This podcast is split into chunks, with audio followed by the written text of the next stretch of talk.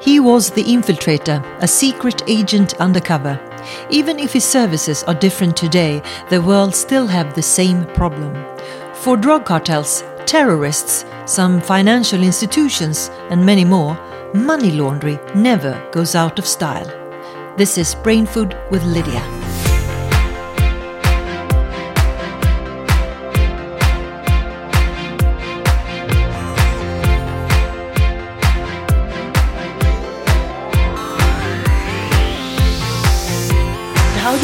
To make interviews before you got on stage? Not a problem. Good. You seem very cool as always. so, I would like to start with welcome Robert Mazur to Sweden. Or should I say Bob? Yeah, Bob is fine. I mean, when you went undercover, Robert was, was the, the name that you actually didn't change. How come? Um, because one naturally reacts when they hear their first name, and so every identity that I've assumed, the first name has been Robert. When we met the first time yesterday, you said about Sweden, it's paradise. And we were discussing the topic, of course. Uh, what did you actually mean by that? Uh, I don't know. I, I get the sense that the people, in comparison to people that I've dealt with in especially my country, but in other countries, are uh, more genuine, more more friendly. Um, and uh, it also, I, I sent an email to my wife about this. I said, you know, being in Sweden gives me the opportunity to feel the sense of being a minority in the U.S. and what it must be like for them because I don't have blonde hair, blue eyes, and I'm not six foot six. Um, um, but everybody goes out of their way to help me, um, and they've been just extremely kind. Well, thank you. um, the most natural question when we start this interview is, of course, what went through your head when you, as a custom federal agent, volunteered to go undercover as Bob Musella? Um, it's taken me a long time to figure out, out um, why I did that. I'm probably the not the best judge of that because of the bias of being the person who made the decision. But um, it seems to me that you know when I I first went into employment, it wasn't in federal law enforcement. Um, but my my dad had served in World War II and been in a lot of battles. My mom was a civilian employee in the U.S. military. My brother had served in Vietnam, and um, service to country was very normal for my family. And um, and I saw this as an opportunity to serve the country, but do something interesting as well. But as I got into it deeper and deeper, and I was always on the financial side, um, I sensed the power of the money and the people who controlled the organizations, the command and control, the people at the top. And they always seemed to be so insulated, and it was always a challenge to even be able to get the smallest amount of evidence as to what they were, their their role really was. And that was intriguing for me. Um, it seemed so unfair that people of great power and of great wealth who were involved in that criminal activity um, were, in the eyes of the public, pillars of the community. So it became, as time went on, um, I always wanted to be a part of making a difference. I think people in every occupation want to make a difference in their profession. Um, but to me, making a difference was um, getting the evidence that nobody else could get. My, I wasn't really interested in becoming a boss. I was interested in, I guess, for a lack of a better term, staying in the trenches and trying to um, to deal as close to the criminality as I could. And um, as I began to work on undercover, um, I didn't know it at the time, but I think I realize now that, especially in this case, where I climbed through this portal of the real world into the underworld at a level that very few people ever experience, that I was captivated by the fact that once I was accepted, um, I was in a position to be able to get very impactful information just through conversation. And as I kept reporting more and more of that, and it became more and more significant, um, and I realized that there was going to be a, a day when I wouldn't be able to do this. We'd have to expose that it was an undercover operation. Um, information became extremely important for me to get. And as I say when I speak, probably the easiest way to say it is information became my heroin. Um, it was your drug, your yeah, drug, my yeah. drug of choice. It was exhilarating to be able to sit down with somebody and find out about a, a lab in Bolivia that was producing six thousand kilograms of cocaine a week, and um, um, what we call in the drug business a pipeline, which is a cover of international businesses that are used um, on a continuing basis to move huge amounts of cocaine, tons of co- cocaine at a time, and huge amounts of money. And um, and then I started finding out a lot of information about um, banks that were illegally owned by this foreign bank that was had a presence in my country. And then I started to learn more about the uh, close relationships that the bank had established with leaders around the world and corrupt leaders, and getting information about people like Manuel Noriega, who used to be the dictator in charge of Panama. Um, being able to find out where his accounts were uh, and lead the government to where it was when our case went down. Um, that all became my heroin. That's what I was after. But uh, you must have been aware of the dangerous life you were forced to, to live in order to get undercover. Uh, what did your wife say? Oh, I, I spoke at length with my wife about my interest in doing this this type of work. You know, And she was all for it? You know, she supported me all my life. We have a very um, a different relationship than I think I've seen in other families in law enforcement. You know, I met my wife when I was 18. She was 16. We started dating. Um, other than a year and a half when she dumped me and I continued to chase her, we've been best friends all our lives. And um, and so I had no problem telling her exactly what it is I wanted to do and why I wanted to do it. And um, she's never been one to stand in my way. Um, we debated about the different issues. We certainly debated about the issue of writing the book, just from the standpoint of whether I should or not, not the content of it. But um, we all realized that if I wrote the book, that it was going to uh, probably peel the, the scab off of old wounds. Um, but uh, we we we both like we both find reward in doing things um, that are not just economic for us. Uh, she she uh, volunteers in charitable organizations, and we both do actually. Um, There is a family passion to help, yeah, help the world. yeah, yeah, I think so. You know, we both came from very, very um, humble beginnings. Um, you know, I, I I was born and raised in uh, New York City. Well, a part of New York City, and um, you know there were three families in a three bedroom apartment, and everybody had two jobs. And my parents' dream was to send their two sons, the first two in the family ever, to go to college and um, you know that's that's what it was all about. My wife lived in uh, public housing that was nearby. She came from a very uh, humble family that had migrated from Puerto Rico, and um, and so I think we our life experiences are such that we realize that um, given equal access to education, everyone can um, achieve their dreams.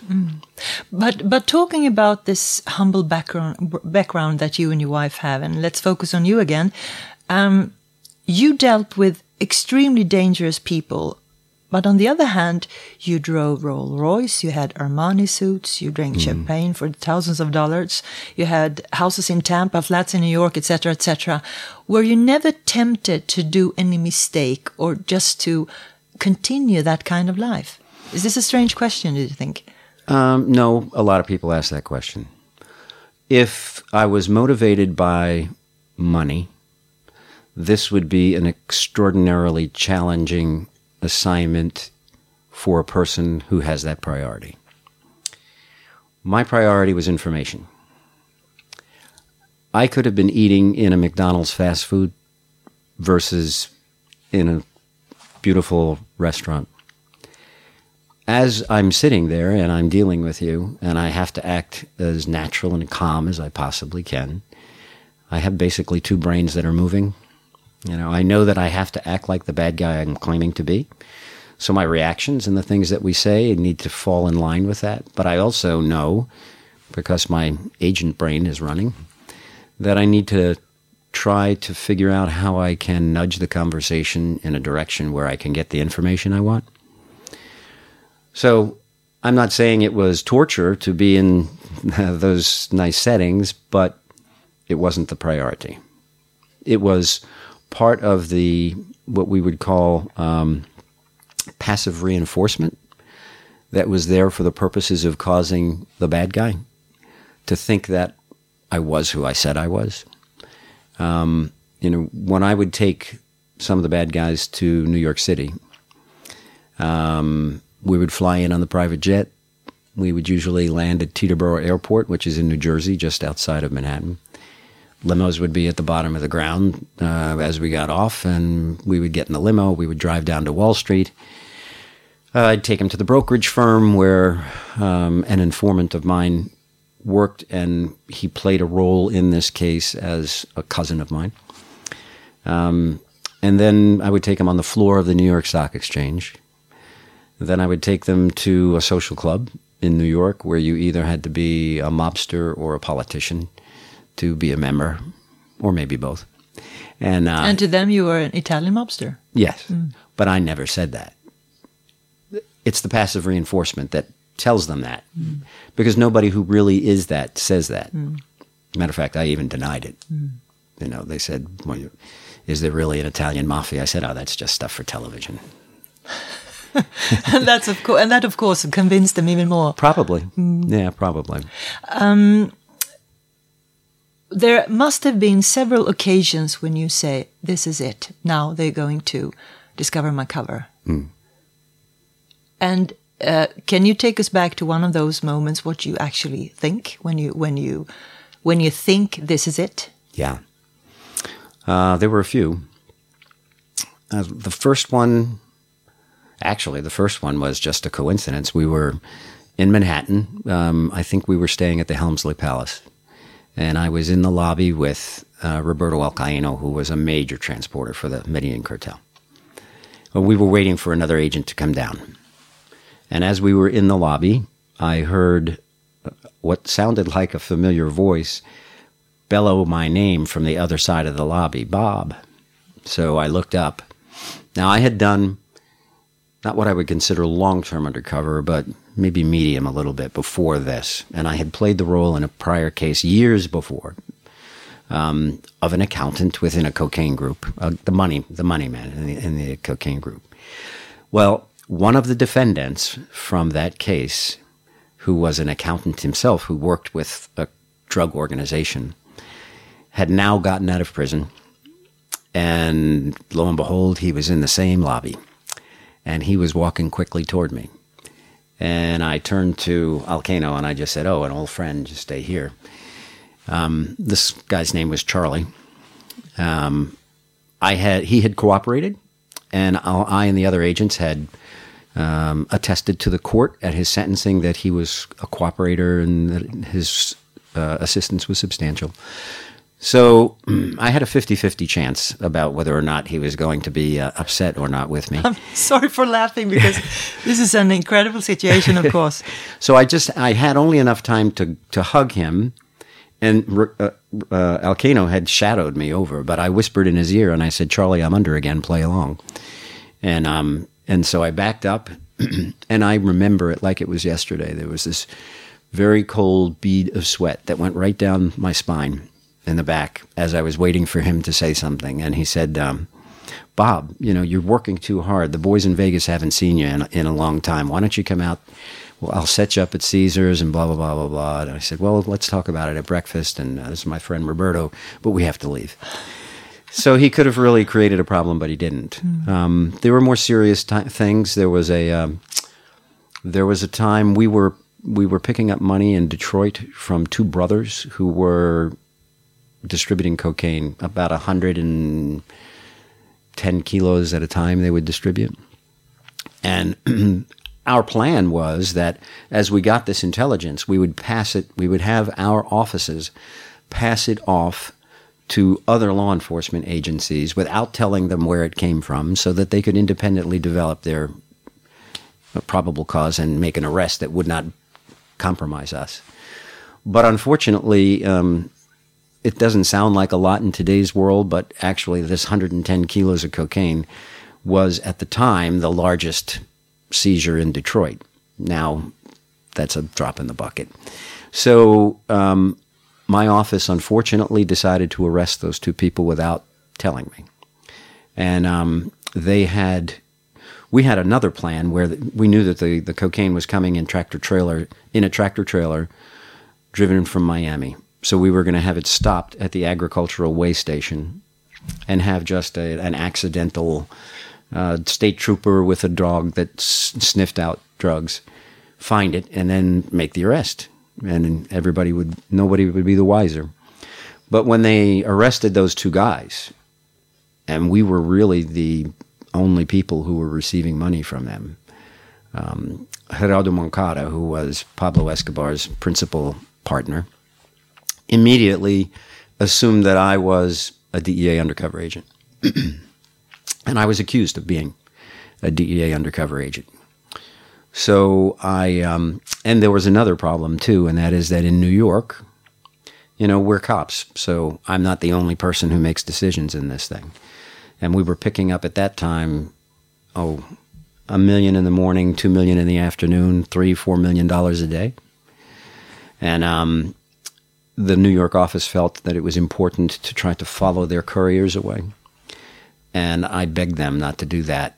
Um, have surveillance out there to keep the agents safe, but there's going to be counter surveillance out there. Well, there was counter surveillance, and they identified all of the agents that were doing surveillance. So now Moncada was absolutely convinced that I was an undercover agent. So I asked for a meeting um, with someone who was in the U.S. who was one of his more most trusted people, a guy that I had kind of developed some rapport with, and um, he he said, "Okay, we'll we'll meet. I'm not going to be in town very long, but it was like one o'clock in the morning, and I was meeting him at a not so nice hotel in a not so nice area of Miami, and this time I insisted that there be no no cover, no no surveillance, because if they found it again, then I would really be in trouble." So um, I went to the the meeting, and now I think back in hindsight about the chances. Sometimes I took some chances, maybe that um, could have gone the other way. Tactically, you don't really know that there's only one person in the room, um, and um, but there was there was only one person in the room, and he was not hostile, and he. Um, I had left my briefcase recorder outside with some uh, offshore corporate records that he wanted. So I was afraid he was going to shake me down and look for a recorder, so I didn't bring that in at first. Eventually, he asked me to get the records. I said, It's in my briefcase in the car, I'll go get it. So when I came back in and I threw the briefcase down as we were talking, it was a massive distraction for him constantly twisting his head and looking at my briefcase. So eventually I opened the briefcase, just like we are. We're facing one another, so my briefcase opened and he could only see the back of the briefcase.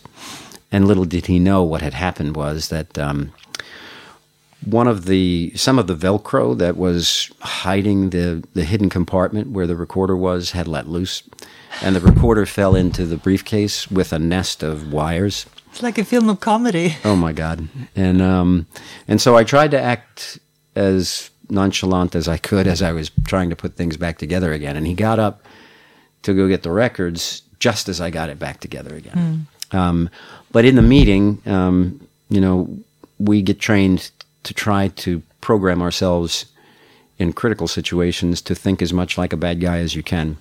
I think agents would have accused them of being the cops, and you know, you tried to get into this chest to chest battle thing, but that's not what um, my bad guy sense was saying. My bad guy sense was saying, listen, um, the information you have is extremely valuable. I need to get as much detail as possible because it seems like we have a security problem. I'm not convinced that it's on my side, but I'm willing to accept the fact that it may. Mm. Um, number one, we'll not take another penny from you in New York until this is resolved. we had another ninety million dollars that was supposed to come to us. It was powerful to say, I don't care how much money is there. It's not worth it. We have to find the problem first. And then I need an assurance from you that if the problem is on your side, you'll eliminate it. And if the problem's on my side, I guarantee you I will eliminate it. And we'll never have to worry about that again. He knew what I meant. Um, so that was probably, that meeting was um, probably about the most tense meeting because I was being accused of being a cop, and um, and uh, they had a lot of good reason to think I was. You have a smile on your face today, but I also sense that you have a pretty good stone face. Also, you're good at that. I don't, that's for others to judge. You have traveled all the world and testified in many trials. I mean, uh, trials that has have been going on for months. Um, are all the bad guys that you framed, that you were part of framing, are they out of prison now? when you say framing, I hope you mean bad guys that I got evidence about that were already involved in that criminal Yes, activity. absolutely, okay, Yeah, I didn't. I didn't entrap anyone. I was not an agent provocateur, no, as they say sorry, in Europe. yes. Um, um, all of them are out have been deported um, to either Colombia or um, Pakistan. Um, one or two are in the United States still. Was it worth it? All this effort, all these years of struggling against the cartels? In some respects, yes, and in some, no. From the personal side, no. From the side of being able to um, share the platform that this team built so that I can speak to people in the financial sector and try to awaken them to the fact that um, all of the bad guys that are out there are not getting their money laundered because they are tricking banks into it, and how important it is um, to be extraordinarily vigilant in identifying risk and being able to uh, mitigate risk in the way of dealing with certain types of accounts and trying to awaken law enforcement to the importance of them making cases on individual money launderers, whether they are attorneys, bankers, or whatever, because um, we seem to have a tendency in the last 10 years to think that we can regulate and fine our way out of this problem. And the reality is that less than 2% of the money that's generated that relates to illicit activity is ever seen by governments. And that's not because people are tricking professionals. That's because there's, you know, as I always say, life is a bell curve. You know, I'm not suggesting that there are there are more people that are corrupt in the banking and legal and financial service providing world. Um, I I would bet that you know everything from salesmen in a shoe store to um, lawyers that handle international accounts. There's a certain percentage that unfortunately are going to reach out to the dark side and do things that are unethical. So let me um, be more concrete. Um, the Danish bank Danske Bank and the Swedish bank Swedbank uh, have um, going through some issues when it comes to money laundering. Um, is it possible to actually do things like this within the bank system without the leaders and the directors knowing about it? It that would be a big challenge. I'm not saying it's impossible. I think that it's only fair that we give those people who are responsible for investigating these issues the time uh, to be able to closely look at the evidence to determine whether or not there was a um, con- a, a uh, concentrated effort within the financial community, within the bank, um, whether there was knowledge of the fact that the accounts that were being opened, um, in fact, did uh, were um funds or accounts that received illicit funds. Um, that's really not a hard thing to determine. Uh, a lot of times, regulators and even law enforcement officers be- begin their search immediately by looking at the compliance department. Gee, what did they do or not do? Because how is it that this got through? it's been my um, effort to try to get them to recognize that the first line of defense is the account relationship manager that onboards the account. It is very, very difficult for a um, slightly competent account relationship manager to onboard accounts that take in hundreds of millions of dollars in offshore names and not question or know why the accounts are established in the manner that they were established and why the why the money flows the way that it does. Mm. That's where you have to take a look. Now the biggest challenge and that's why I think the long-term undercover method of investigating money laundering is so valuable because in order to prove that someone at least in, under US law, in order to be able to prove that someone laundered money, you need to show that when they conducted a transaction, they knew that the money came from what we call a specified unlawful activity, being any number of different types of crimes that are listed as specified unlawful activity. So let's assume that this was money that was um, money that was coming from the Russian government that were payments to offshore entities for invoices that were overstated so that pe- people of power within Russia could pilfer the treasury. Um, if you're handling these accounts, it's your responsibility to ask enough questions to at least satisfy yourself. I mean, you can't just say, well, let's open the account, let's see what compliance says. That's what they like to do. Um, and these types of account holders who bring these accounts and deal with account relationship managers, uh, uh, managers wrap themselves in as much plausible deniability as they possibly can as they invite compliance to take a look at things and make sure that compliance is satisfied. Well, as soon as compliance gives it a green light, the account relationship mm. manager's off the hook. Mm. So he thinks, mm. or she thinks. And, you know, just last week, um, we had an account relationship manager charged in the United States from Wells Fargo, who is who pled guilty actually uh, to intentionally opening up accounts for the Sinaloa cartel in Mexico. So he admitted the fact that he knew that it was drug money, and he admitted the fact that he was attempting to conceal and disguise the source. The question at Danske Bank and at Swedbank is what did the account relationship manager know? What did senior management know?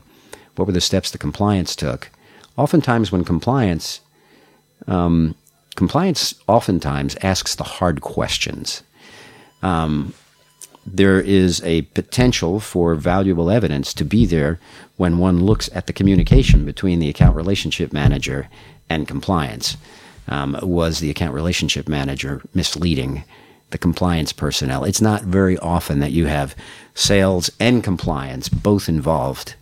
Um, although, when you look at some cases, um, and your listeners if you want to get a sense of what what could potentially be the case, I think Danske Bank and Swedbank probably, um, until the scandals or the accusations of the scandals, enjoyed the same type of reputation as HSBC before their scandal. Mm-hmm.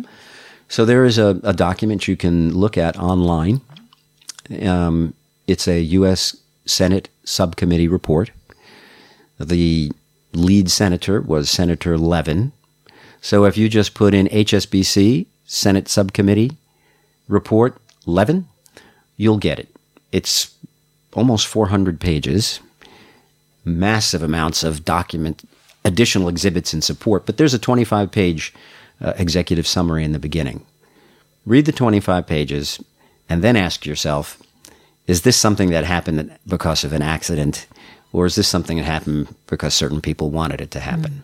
I'm completely flabbergasted that not any individ, no individuals were found to be criminally liable for the conduct that is well documented within that Senate subcommittee report. Before them, there was one with Wachovia Bank that was um, sold to Wells Fargo. And um, again, it's hard to imagine when you look at the facts um, you, if you want to see what it is, just even Google Wells Fargo um, money laundering. Um, they they were involved with the Mexican cartels, and read the articles. Mm. you I can come to a decision. Will. You can make a decision yourself. I will. Um, let's talk about the bad guys. Mm-hmm. Can you briefly tell us what is the situation today with cartels? Because when you went undercover, this was in the mid 80s and late I- 80s, early late 90s, yeah, early sorry. 90s too. Early 90s too. Um, I, I'm presuming that people are not interested in cash anymore, or uh, that, that that's not uh, the case because in, in, in this time of uh, uh, banking uh, businesses, we uh, use cryptocurrency and digital digits, etc. Um, what is the situation with the cartels, and what kind of money are we talking about? Okay. It's currency. And um, you need only look. I think two years ago, there was a case made on one of the uh, higher profiled money launderers, a, a, gentleman from India operating out of Pakistan and Dubai. Uh, his name is Khanani, K H A N A N I. Altaf Khanani. Um, his organization, according to the reports, laundered roughly 14 to 16 billion dollars a year. He had a global network of currency exchange houses. I can tell you that if you're in South Chicago and you're going to go buy some drugs, and you show up with cryptocurrency, they're going to laugh at you. Um, if you show up with a hundred dollar bill, they're going to knock you over the head and take your hundred dollar bill. It's paid for with five, tens, and twenties. It's street money. That's basically what happens in Europe. That's basically what happens in the United States. The United Nations on Drugs and Crime has been credited with the most um, credible estimate on what the annual revenue from the sale of illegal drugs is, and their estimates was in the range of about 400 billion. Um, of that 400 billion, um, we don't even see 2%, probably 1% of it. When you look at the major cases of movements of drug money, um, we could look at the HSBC case. That was over a bill. That was nearly a billion admitted to, but that's not all that that happened for the Sinaloa cartel in Mexico and the Norte del Valle cartel in Colombia.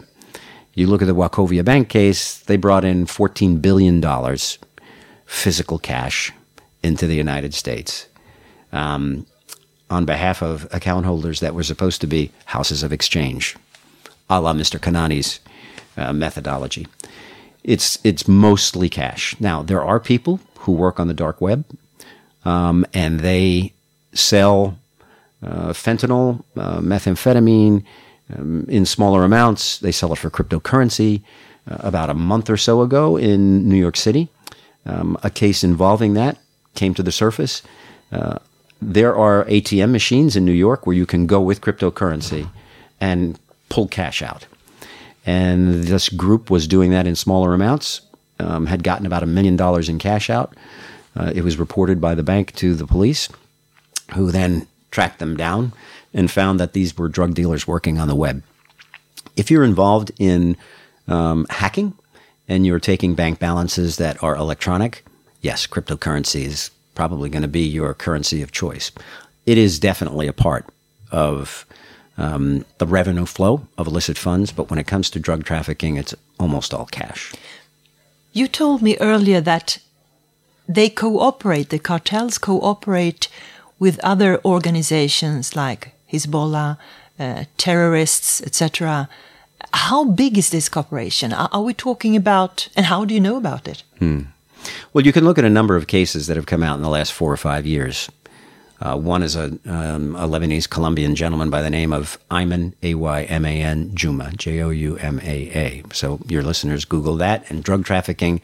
They'll see a profile of the alliance between the Mexican cartels, the Colombian cartels, and Hezbollah. There have been many others, so you can just Google Hezbollah drug trafficking and you know you'll find them.